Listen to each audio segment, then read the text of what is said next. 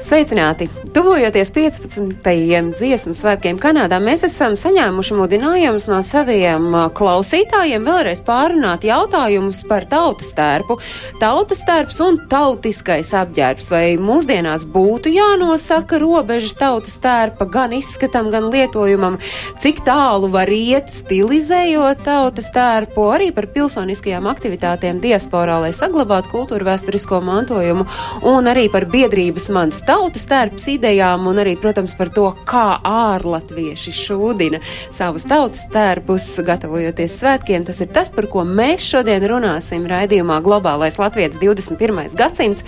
Mēs, protams, kā allaži esam klausām Latvijas radio viens viļņos, bet es mudinu, ja vien jums ir iespēja piekļūt internetam, tad dariet to un esiet ar mums kopā vai nu Latvijas radio viens mājaslapā vai arī Facebook profilā, kas ir Latvijas Radio 1, jo tik krāšņas viešņas šeit, multimediju studijā Doma laukumā, astoņi raidījumā globālais Latvijas 21. gadsimts vēl nav bijis.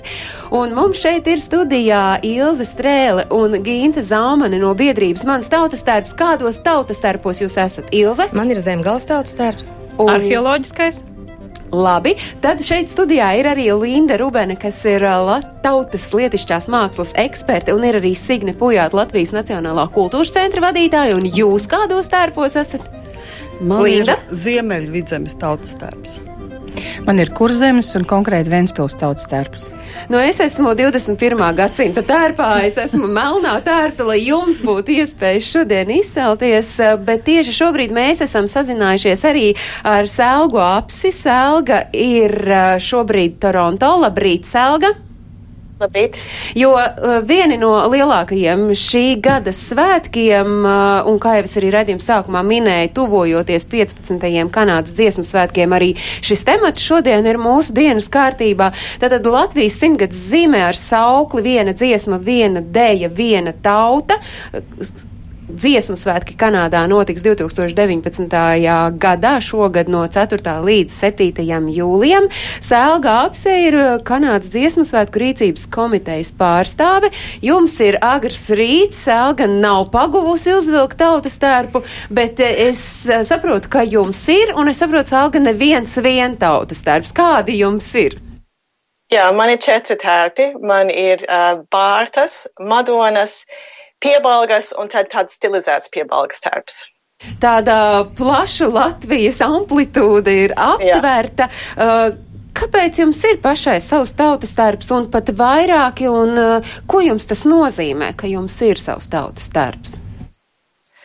Nu, pirmais tērps, uh, es vienkārši gribēju jaunu, nu, tas, kas man tagad dara manā augumā, man ir jau divi bērni, esmu gados vecāka un vajadzēja jaunu tērpu. Uh, Uh, otrs bija tāpēc, ka mūsu grupā, nu, tautstē grupā, kurā es dejoju, mums visiem bija viena tērpi.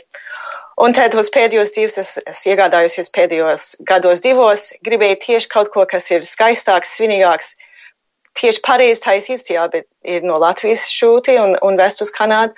Tāds, ko es varu vilkt tiešām svētkos, kur man varbūt nav jādejo, bet gribās izskatīties tieši pareizi. Cik bieži tad jūs uzvelkat tautas tērpu, un vai jūs man varat pateikt, kas ir jums notiek tajā brīdī, kad jūs uzvelkat tautas tērpu? Vai sēlga ir tā pati sēlga, kas šobrīd sarunājas ar mums raidījumā, vai tā tomēr ir cita sēlga? Tā pati sēlga, bet noteikti stāva taisnāk muguru un uh, labāku stāju. Uh, tas īstenībā man liekas kā tāds garš process uzvilkt taustē. Tas nav tāpat kā vienkārši ikdienas drēbēs saģērbties, bet tiešām gribās sapucēties un, un to kārtīgi uzvilkt. Vispirms viss jāizgludina un tā tālāk. Uh, un tērpes vēl, nu, droši vien ik pa diviem mēnešiem sanāk kaut kāds brīdis, kad ir kaut kādas svinības, kur, kur ir vajadzīgs tērps. Bet vai tagad gaidot Kanādas dziesmu svētkus, jūs jūtat, ka tai vidē, kurā jūs esat ikdienā, latvieši Kanādā ir pastiprināti pievērsuši uzmanību sava tautas tērpa vai nu pašu rokām šūdināšanai, vai arī iegādēji, ja tāds līdz šim nav bijis? Noteikti pagājušajā gadā uz svētkiem Latvijā daudz grupas, kuras brauc tad, tad, tieši tad taisīt ārpus, uh, bet ir ļoti daudz tādas mazākas grupiņas, kas nāk uz kanāls dziesmu svētkiem, un tie visi meklē no radiem vai draugiem vai kādu pazīstamā, kur viņi var aizņemties tērpu, jo daudziem nav pašiem. Un vispār no, mums ir uh, 51 taustē grupas, un, un Ziemeļamerikā no tām ir 22, un varbūt četrām ir visiem tie paši tērpi. Visi citi aizņemās vienkārši kā viņi var. Spēju. Bet, tad aizņems no kaut kādiem radiem draugiem, bet vai ir arī aktuāli pašiem darināt, lai pašam paliktu tas tautas tērps, lai tas nebūtu tāds palienētais? Nu, darināti grūti. Uh, Ziemeļamerikā var redzēt ļoti daudz tādas, kas ir, piemēram, alsungas vai uh, rucavas tērps, kur ir vajadzīgs vienkārši audums vienā krāsā un var piešūt klāt. Tādi, kur ir vajadzīgs speciāls audums brunšiem, tādi ir ļoti maz, jo te vienkārši nav tādi cilvēki, kas to spēj aust. Tad tas nozīmē, ka vairāk, nu, ja mēs varam runāt par tādu stilizētu tautas tērpu, ko varbūt, nu, es nezinu, vēlāk jautāsim Lindai, kā lietišķās mākslas ekspertei, varbūt nemaz nedrīkstētu saukt par tautas tērpu, vai jūs tomēr skatāties uz to, ka, ja reiz, nu, tas ir darināts kā tautas tērps, tad tā jūs to arī uztverat, un kā jūs pati sakāt, nu, tad tā mugura iztaisnojas un jūs paliekat steltāki. Nu, nu, tieši tā, visi grib tērpu, cenšas tērpu, kas ir, kas skaitās pareizi, ka tur viss pareizās daļas. Ne visiem tas sanāk. Es teiktu, ka te ir sevišķi bērniem ir ļoti grūti, viņi tik ātri aug, uzvelc janvārī, domā, ka bērnam derēs, un līdz svētkiem vairs tas neder, un tad ātri meklē, kur varētu dabūt tērpu. Bet, nu, cenšas, tiešām cenšas, ka pareizi, bet, nu, bieži tomēr nesanāk. Nu, ņemot vērā, ka mēs jūs esam sazi, ar jums esam šodien video zvanā sazinājušies, nu tad Kanādas dziesmu svētkiem tā gatavības pakāpe. Nu, cik tad tur vairs sniegs ir palicis, sunim ir pārkāpts tik asti vien palikusi. Esat gatavi? Esam gatavi. Ir vēl daudz darām vēl no rīcības komitejas puses, bet esam gatavi. Un vakardien tieši izsūtīja deju svēt, nu, zīmējums lielzudumu, tā kā lielais solis tagad ir pārkāpts. Jā. Paldies, Lielas Selga, lai jums izdodas. Un uh, interesanti tikai zināt, uh, Kanādas uh, dziesmu un deju svētku laikā, kuru no saviem četriem tautas tērpiem jūs uh, vilksit, vai jums būs tā iespēja mainīt dienu no dienas? Man būs iespēja mainīt un noteikti vilkšu vismaz divus - Madonas un uh, Bārtas, jā. Paldies, liels sāk, lai jums tiešām izdodas visu uh, Kanādas dziesmu un arī deju svētkiem uh, noorganizēt tā uz ūsiņu, kā pie mums šeit Latvijā saka. Bet tad uh, varbūt uzreiz pieskaramies tām. Es zinu, Linda, ka jums nepatīk vārds pareizs, nepareizs tautas tērps, un tas ir laikam pats aplamākais, ko mēs par tautas tērpu runājot varam lietot, bet, nu, kaut kā taču ir jāsaprot, kad es esmu tautas tērpā, kad nē. Nu, es gribētu teikt, ka mēs šeit laikam visas šobrīd esam tautas stērpā, ja nu vienīgais arheoloģiskais ir vienkārši arheoloģisks stērps būtu saucams, nevis tautas stērps. Jo, nu, par tautas stērpu varbūt tas stērps top tad, kad radās tauta kā tāda, un tauta radās, kā mēs zinām, 19. gadsimta otrā pusē. Bet, ja runājam par šiem tērpiem, ko mēs šodien esam vil, vilkuši, tad šie, šis varētu būt tradicionālais tautas stērps.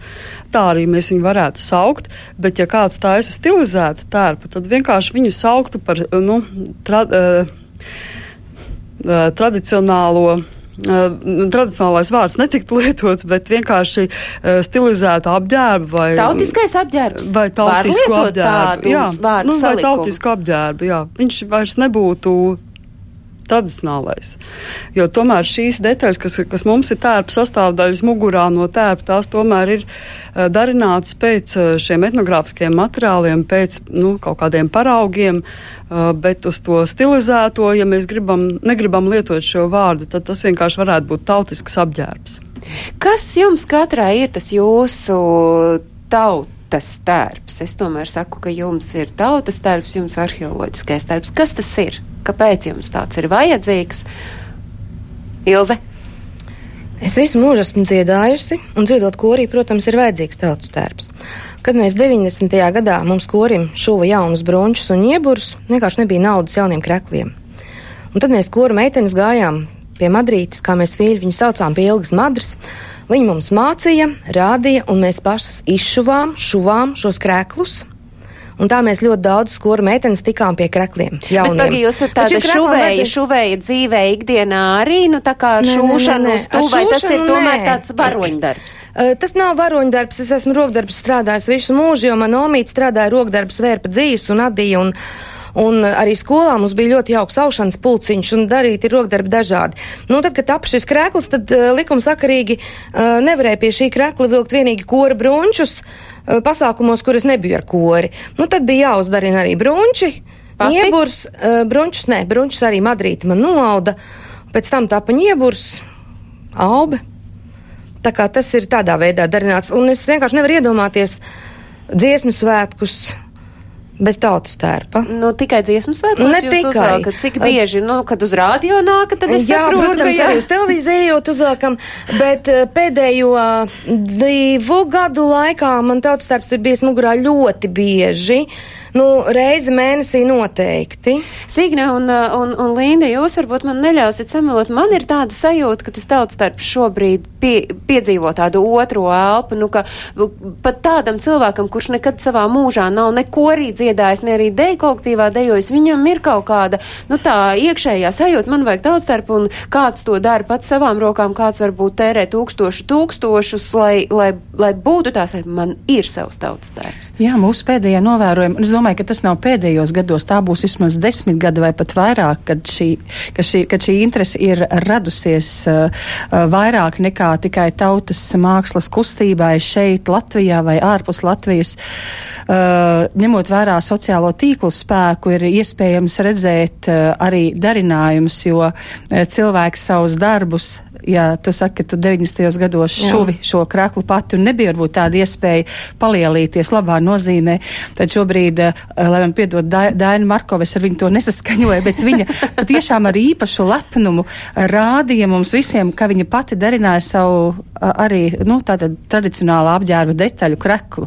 Un viņai tas bija arī, es domāju, nu, varoņu darbs vai ne, lai viņa stāsta pati, nāk uz radio un stāsta pati, bet, bet jā, ir patīkam apzināties, ka cilvēki interesējas, jo arī pēc tās intensitātes, kas ir uh, Lindai un droši vien arī jau nevalstiskajām organizācijām vai arī senai klētī uzņēmējiem, uh, šī interese noteikti ir uh, pat izmērāma. Bet kāpēc jums vajag pašai savu tautas Uh, starpu? mans, stāsts, mans stāsts ir saistīts ar to, ka savulaik uh, mani vecāki iesaistījās folkloras kustībā. Tas bija jau kādu laiciņu pirms atmodas, un tā bija tāda organiska ne nepieciešamība. Šobrīd mans uh, tradicionālais apģērbs zināmā mērā uh, rāda man identitāti, jo es esmu Ventspilniece, un es tiešām ar lielu lepnumu nesāju savu tērpu. Un man nav tā, ka es tērpu pasitu padusē uz uh, pakarno, pakaramā, bet, ja man ir vajadzīgs, es no rīta arī kāpu tramvajā un braucu. Ap- Šodien arī? Šodien es visu dienu staigāju uh, tradicionāli apģērbā, jā.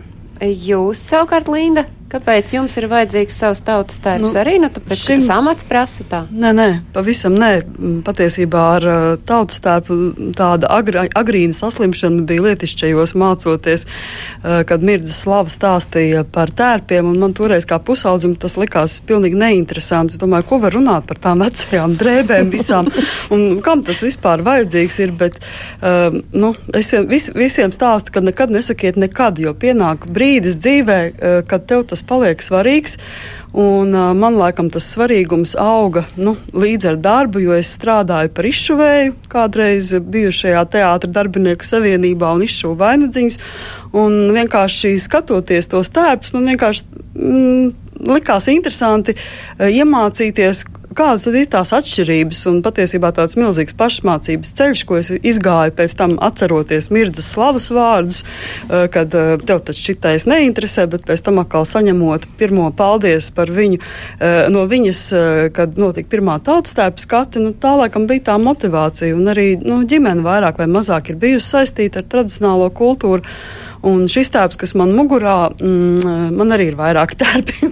šis ir ve- veltīts manām vecam tēvam, kas nāk tā kā no Ziemeļa Latvijas uh, vidzemes uh, puses un ir tā kā masalacas tērps, un man vēl otrs ir zemgāles tērps, uh, kas ir mammas. Uh, senčiem veltīts, kas uh, ir no zemgāles puses. Bet parasti man liekas, kaut kā tā, ka skatās uz tiem darbiem, tad visas grib tos vai nu nīcu Mhm. pārtu, lai tad ir tā riktīgi krāšņi, lai arī mēs kā dzirdējām, iespējams arī tāpēc, ka tas ir varbūt ir praktiskāk to, to audumu Vienkārši dabūt. Ja mēs tā skatāmies vispār, nu, tad tos Latvija, Latvijā pavisam cik kopā mēs varam teikt, ir dažādu tradicionālo tautas tērpu. Kāds ir centies saskaitīt? Nē, visas viešas, Nevar kurina saskaitīt, nevar Tāpēc, ka novadu nosaka pēc brunčiem, un tad cik to novadu dažādība ir, un, piemēram, var būt, es nezinu, vairāki vai tur cēsu varianti, vai vairāki madonas, vai, vai vēl kaut kāda, nu, reģiona brunči, kas katrs attiecās uz to tēmu. Tās Latvijas jau bija radošas. Viņas jau, tas, kas ir nonācis muzejā, tā varbūt ir viena, nezinu, daļa no tā, kas varbūt bija ikdienā mājās, jo aizgāja uz baznīcu, apskatījās, ā, redz, kāda viņai tur smuki brunči ir. Un, un... Tu, tu, tu kaut ko līdzīgu drusku jā, nu, uzlaboja, ir, bet jūs sakāt, Latvijas bija radošas, man liekas, ka ir, tas, par ko jūs ir, šobrīd ir. varat pārliecināties uh, savā biedrībā, mans tautas tērps, ka Latvijas ne tikai bija radošas, bet ir, jo turpina, nu tā kā paplašināt tās tautas tērpa robežas.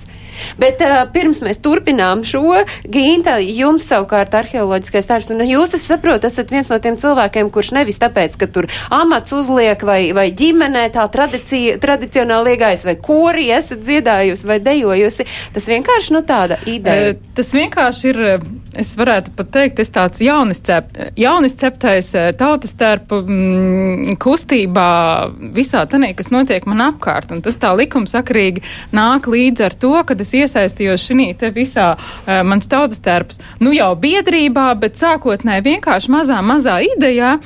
Un šīs idejas sākumā bija. Mm, uh, Mans pirmais tērps bija tikai ar šitādu mazu gabaliņu etnogrāfiskā kaut kāda pieskaņa. Otru es jau drusciņi stilizēju arheoloģisko, lai saprastu, kas man ir tuvāks, jo iepazīstot to, cik milzīgs ir tas tautas tērps piedāvājums pēdiņās, tu nesaproti, ko tu gribi. Ja tev nav tas uh, sensis kaut ko atstājis mantojumā, ir ļoti grūti izdarīt izvēli. Un tad uh, ar to savu stilizēto tautiskā tipa apģērbu, ja, grūti tagad nesamežģīties, ja. Uh, pienāca brīdis, kad uh, es varētu teikt tā, ka man bija jāprezentē savā ziņā Latviju, un es sapratu, ka ar stilizēto es vairs netieku cauri, un tad bija čiks, Un tu pēkšņi saproti, kas ir tas, kā tu gribi palīdzēt to valsti savu prezentēt.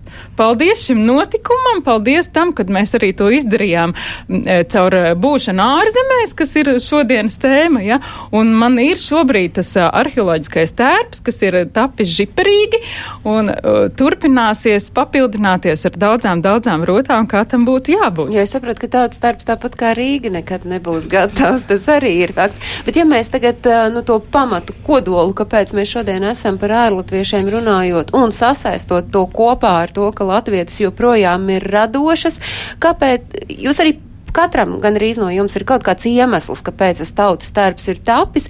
Pagājušā gada dziesmu svētki, tagad Kanādas dziesmu svētki, un tomēr mēs uh, dzirdējām ieskanējās selgas no Kanādas uh, dziesmu svētku rīcības komitejas sacītajā. Tas nav, tas nav varbūt tik vienkārši, kā iespējams to ir izdarīt šeit Latvijā. Jā. Tam Jā, tas tā noteikti ir.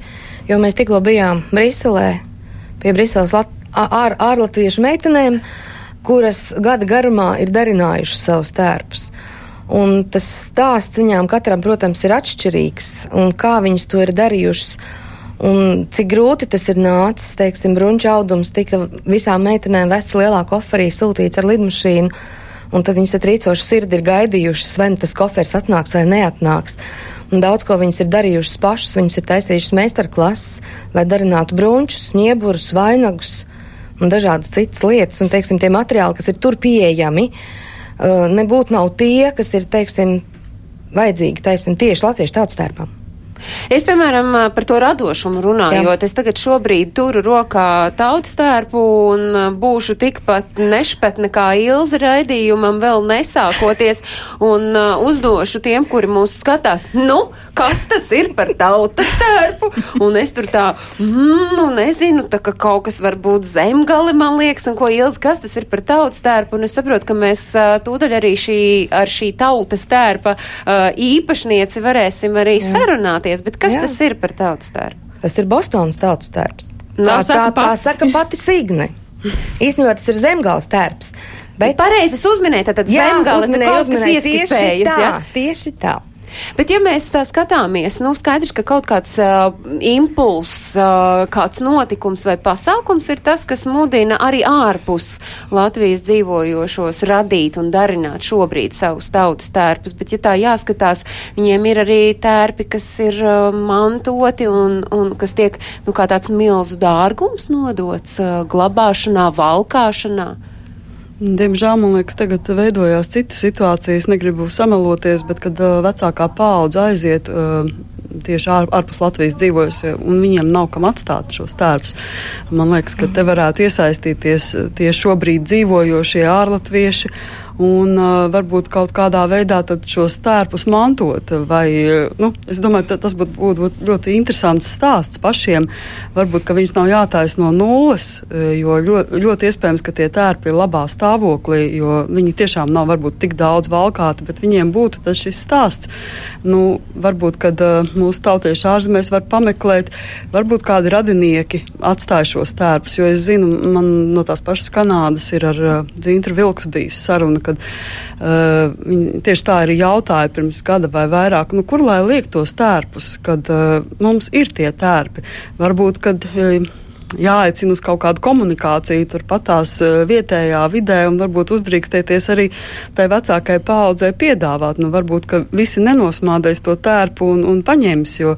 Neienāk domāju, jau prātā, jā, nevienam neienāk pajautāt, vai ne? Jā, jo, nu, ir, ir diemžēl tā, ka laiks iet un cilvēki aiziet, bet uh, tas tās apģērbs paliek, un es domāju, ka gan jau jaunie. Uh, latvieši, kas tur dzīvo, ka, ka viņiem tas būtu nu, Es vismaz tā domāju, ka man, es nesaku, ka man tagad jādāvina, bet man būtu prieks saņemt, uh, nepārprotiet, bet, uh, nu, ka iedomāties kāda kundze vai kungs aiziet viņa saulē, un, nu, vienkārši viņš grib atstāt to tērpu, un tu zini, ka tev vajag to tērpu, nu, tad at par attiecīgi, nezinu, vienošanos vai kā, bet ar to visu stāstu tur jau veidojās arī tāds uh, stāstiņš interesants apakšā, kad es, piemēram, šo tērpu esmu mantojis no tā un tā, un tā jau arī varbūt tāda, lai viņš būtu tapis kaut vai nezinu, izsūtījumā um, pirmajos gados vai pēdējos, jo um, nu, man kolēģei darbā ir tērps, kas ir tapis uh, Zviedrijā priekš pirmajiem, laikam, Vācijas dziesmu svētkiem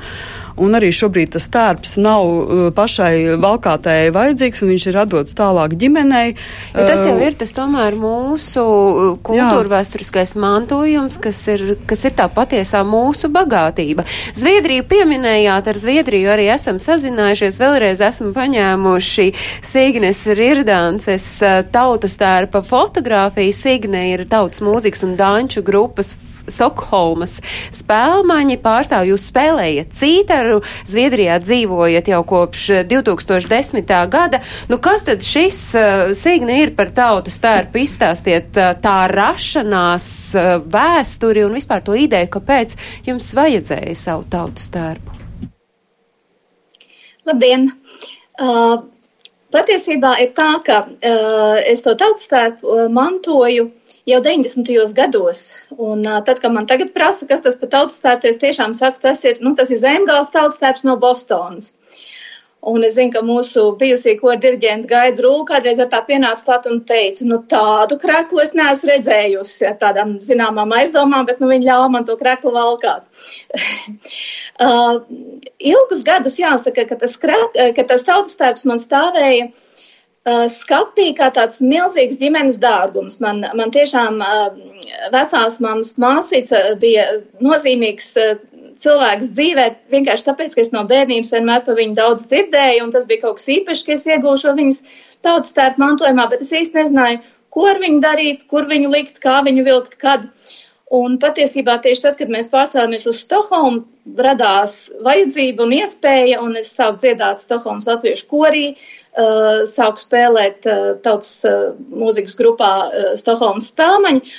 Un pašlaik jāsaka, tas tautas tēvs man ir kļuvis par tādu, nu, kaut ko ļoti īpašu, jo tāpēc, ka tas ir man gan personiski tuvs un dārgs, un, un es sajūtu tās saites ar ģimeni un savu saimi, kad es viņu uzvelku.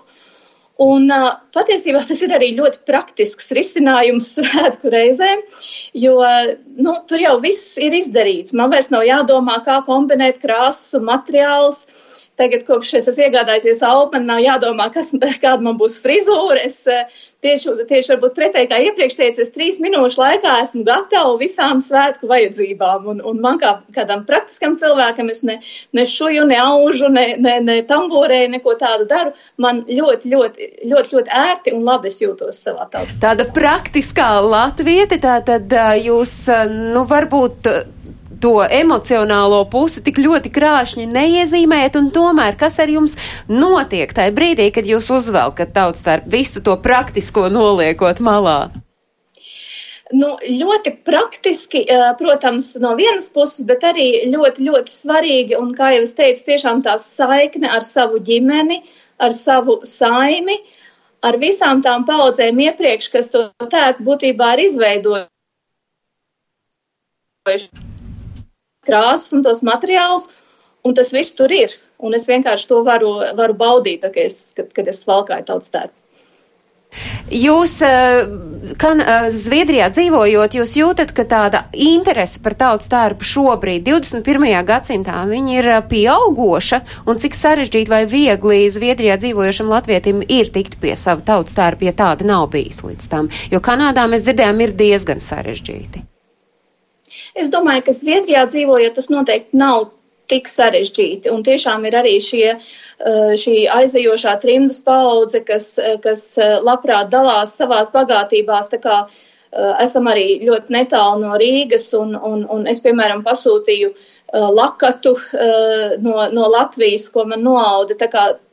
Tas, tas, tas vairs nav tik sarežģīti 21. gadsimtā.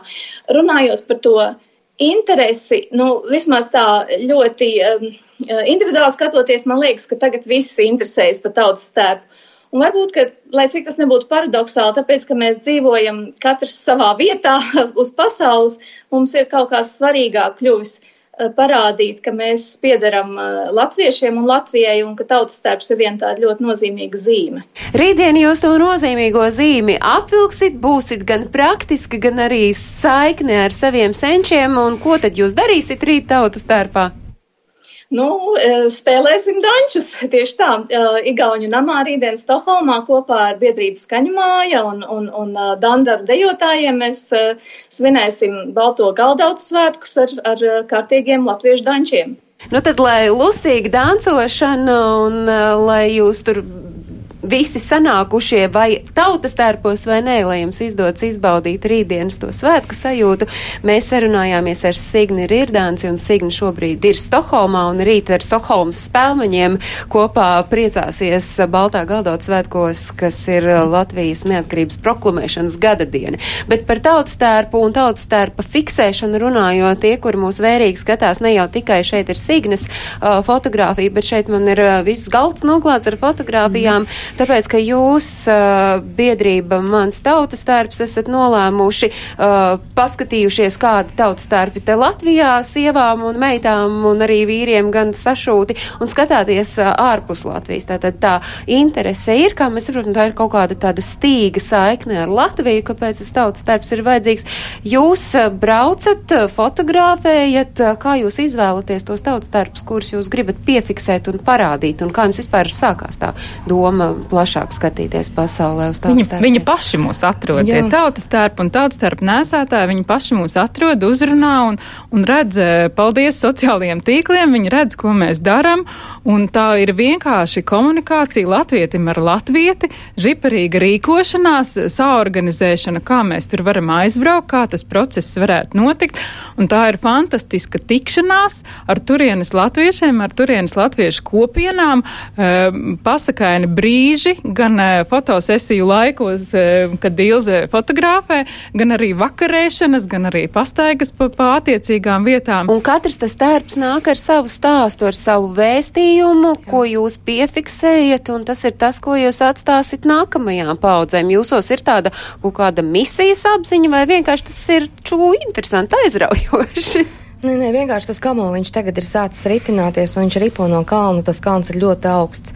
Un tas kamols tinās, tinās, tinās, un viņš, nu, viņš vienkārši nevar beigt tīties. Bet, nu, tas, jā, tas sākās, protams, sākās viss ar latviešu, Latvijas latviešiem.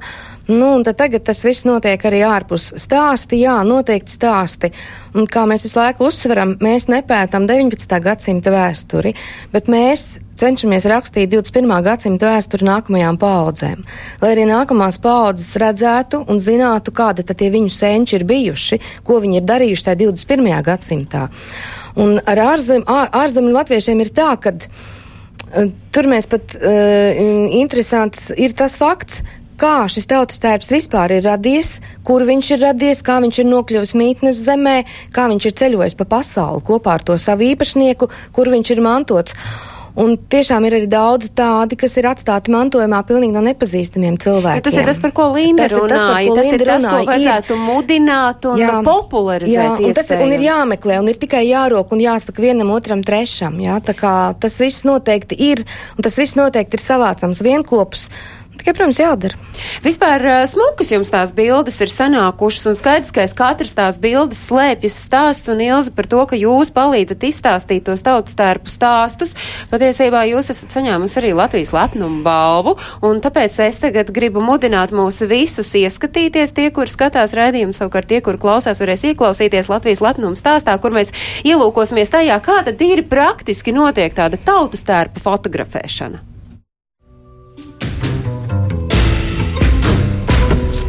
Nu, čau! Braucam pie cukurienes tiem tur, tur ir foršs vītols vienkārši. Aha! Labi, ekstrēmās tautumētas ejam. Metam, metam nost un ejam bišķiņ tur.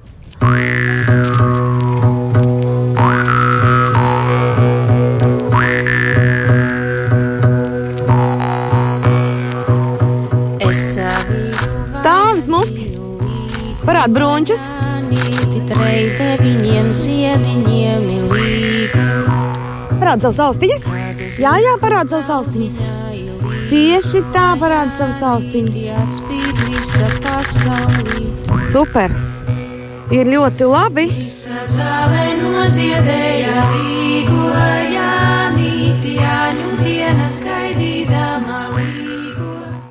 Jā, nu tas bija fragments no TV3 uh, filmas Latvijas lepnuma ietvaros, kur Ilzi fotografēja tiem, kuri tikai uh, dzirdēja, ko nozīmē parāda austiņas. Nu, uh, Vidzemes tērpam ir tāds, tāds ļoti tāds skaists dekoratīvs elements, vai nu jaciņai, vai ņemburam, ir austiņas aizmugurē. Un tad ne jau jūs gribējāt redzēt tautu meitas īstās nē, tas ir tautas tērpa austiņas. austiņas. Bet uh, jūs uh, pa Latviju braucot uh, pati sakāt, ka, lai safotografētu tautas tērpu šeit Latvijā, esat apbraukusi septiņu reizi apkārt Latvijai pa perimetru, bet uh, braucot ārpus Latvijas uh, un fiksējot tautas tērpus, es, uh, jūs minējāt, ka jūs esat bijušies, uh, bijušas Zviedrijā, esat bijušas Briselē, bijušas tad Beļģijā, nu kur vēl un kur varbūt ir padomā, kur, kur uh, vajadzētu fiksēt tos tautas tērpus? Padomā noteikti ir Vācija, jo tur dzīvo manas māmas māsica, kura arī redzot, ko es te daru un, un, un saprotot, ka tas ir kaut kas tāds unikāls. Viņa arī sākus iesaistīties visā šajā lietā, un viņa jau ir sākus apzināt tos cilvēkus, kas dzīvo tuvāk Lībekai, Brēmenai, Hamburgai, un ir sākus jau uh, vākt stāstus, meklēt cilvēkus, un arī šie stāsti jau viens otrs ir tik unikāli, ka, nu, ir jāuj kājas un jābrauc. Jūs varat atklāt kādus arī no šeit varbūt uh, fotografijās redzamajiem stāstiem, par kuriem jūs gribat teikt, nu, ka tik labi, ka mēs to esam sadzirdējuši vai par tiem uzzinājuši.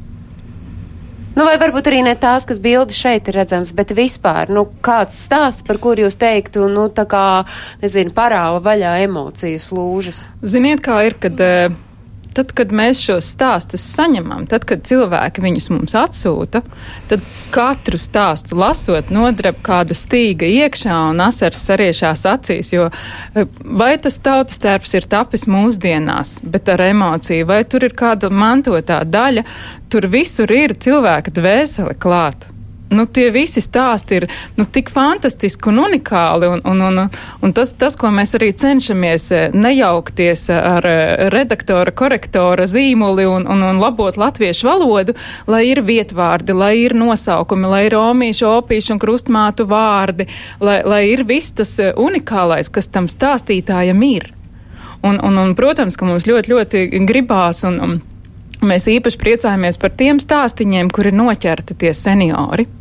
Un šādus seniorus mēs dažus jau zinām ārla, ārlatviešu starpā, ja, kur tiešām ir jāskrien un jāķer, bet, nu, tam jāatrod vienkārši laiks, jo ikdienā jau mēs daram daudz ko citu, jā, un, un, un tam brīvprātīgam darbiņam reizēm ir jāpabrīvē tas ceļš. Nu, tas ir visīstākais brīvprātīgais darbs, jo Ilzi, jūs ikdienā esat ģimenes ārsts, Jā. un zinot, kā, cik noslogot ir ģimenes ārsts, man vispār ir jābrīnas, ka jums ir laiks, ka- kad vēl fotoaparātu paņemt organizācija. Ja? Bet, ja mēs skatāmies nu, uz to emocionālo pusi, tad ko jūs, nu, man, piemēram, tagad klausoties visu to emocionālo buķetu, man liekas, aplam, ka ir kaut kādi brīži, kad uh, mums aktuāls kļūst jautājums par to, ka varbūt vispār vajadzētu kaut kā nebūtu reglamentēt uh, tradicionālo tautas tērpu un cik tālu var iet tādā stilizēšanā. Ko jūs par to sakāt? Cik aktuāls vispār ir šis jautājums? Um, nu, man gribētos teikt, ka Latvijas Nacionālais kultūras centrs pirms pāris gadiem ir uzsācis tādu projektu katram savu tautas tērpu, un arī ir izveidota mājaslapa. Un uh, tajā arī ir stāstīts par to, kas tad ir šis tradicionālais tērps, un dažus uh, no tērpu, uh, tērpiem var arī apskatīties, un pāris, um, laikam mēnesi apakaļ mums bija ļoti interesanta diskusija kopā ar Anetu Karlsoni, kur tieši mēs diskutējām diezgan lielā publikā par to, kā tad pareizi vai nepareizi saukt un kādus terminus lietot. Un šobrīd, cik es zinu no Anetas, tad tiek izstrādāti tādi ne jau nu gluži jauni noteikumi, bet šie vadlīnijas vai, teiksim, viņas būtu kā definīcijas, ko mēs ar ko varētu saukt. Un tās tad arī šajā lapā mēs publicēsim un mēģināsim ieviest dzīvē. jau kaut kādas tad tas, ko es sākumā jau teicu, ka runa ir vai nu par modes apģērbu, vai par šo tradicionālo tautas tērpu, vai par tautisku apģērbu.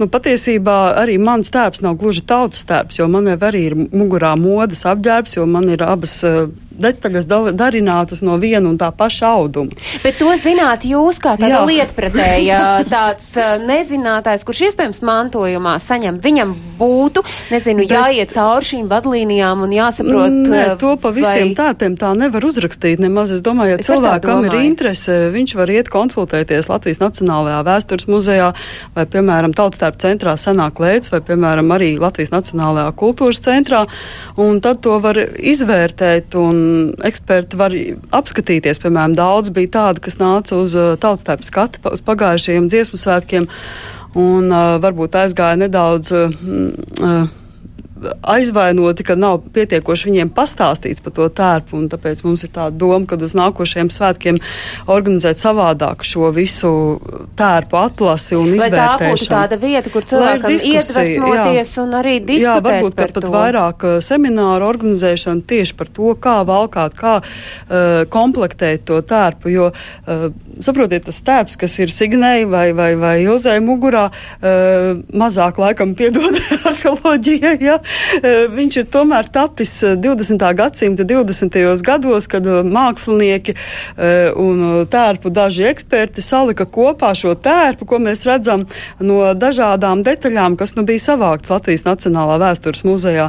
Ar Signas tērpu ir vienkāršāk, jo viņas līdzīgas bildes ir sagla, saglabājušās. Redziet, kur dokumentēšanas nozīme, kāpēc ir ļoti svarīgi, kā, ko un kāpēc dokumentē. Uh, Vai, piemēram, pēc zīmējumiem seniem var secināt, ka tāds līdzīgs tērps ir valkāts. Arī mans tērps ir uh, darināts līdzīgi pēc, pēc viena attēla, uh, kas ir saglabājies.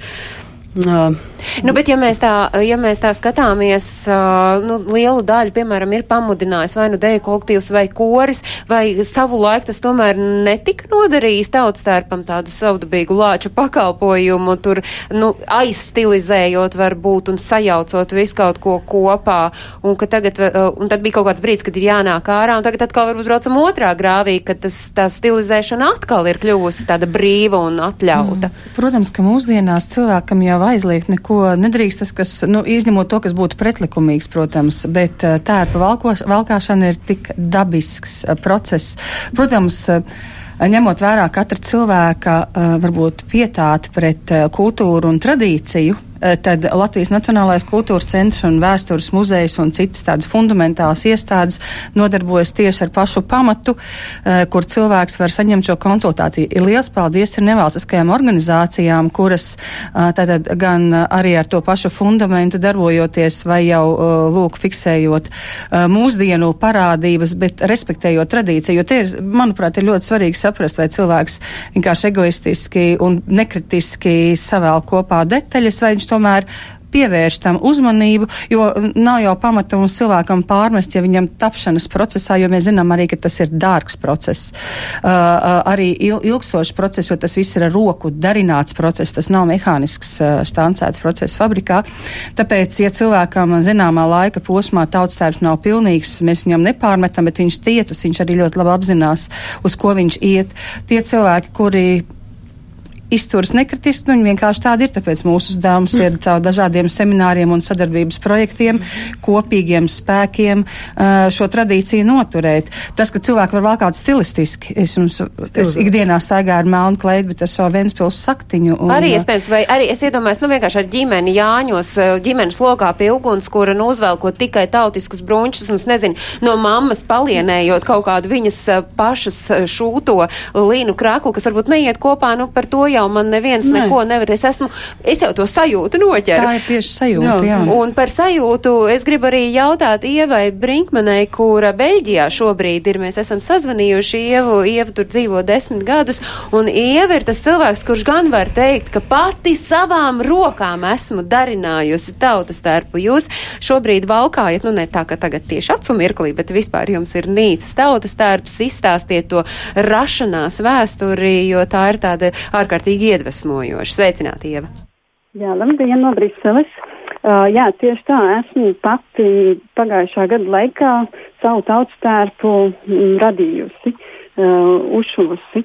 Uh, un tas viss, uh, nu, ideja īstenībā sapnis, varētu tā teikt, man par savu tautstērpu bija jau sen, taču to nekādu neizdevās realizēt, bet pagājušo gadu kad, kā visur citur pasaulē, latvieši gatavojās valsts svētkiem. Arī šeit, Briselē, mēs domājām, kā sagaidīt svētkus krāšņi ģērbušies tautas tērpos. Un tā radās ideja par meistarklasēm tautas tērpu nu, šūšanai, veidošanai. Gada laikā cilvēks var tikt pie sava tautas tērpa. Es saprotu, ka jūs ar brūņšiem sākāt un tad pamazām arī pašas pastalas taisījāt un tad, nu tā secīgi nonācāt beigās ņieburs, eh, vēl salīdzinoši nesen tapa, bet katrs mēnesis jums bija uh, paziņots, ka tad mēs darām to, darām to, jo jūsu bija vesels pulks. Jā, mums bija vesels pulks un tiešām nu, gandrīz katru mēnesi, izņemot vasaras mēnešus, kad mēs individuāli strādājām, ja mēs sanācām kopā un nu, taisījām kādu nākamo elementu mūsu tautas stērpiem. Bet, nu, protams, ka viss jau vēl līdz galam nav gatavs, vēl jau uh, ir daudz ko darīt vēl var izšūt un izkrāšņot savus tērpus, bet, nu jā, cītīgi strādājot, tas ir iespējams. Ir kādi padomi vai ieteikumi, nu, ja tagad kāds klausās iedvesmojas, viņš saka, jā, es arī gribētu, nezinu, es dzīvoju Vācijā, Austrijā, Austrālijā, vienalga, kur, kas ir tas, ko jūs ieteikt, ar ko varbūt sākt, un tad varbūt ir kaut kādi padomi, ko noteikti nedarīt.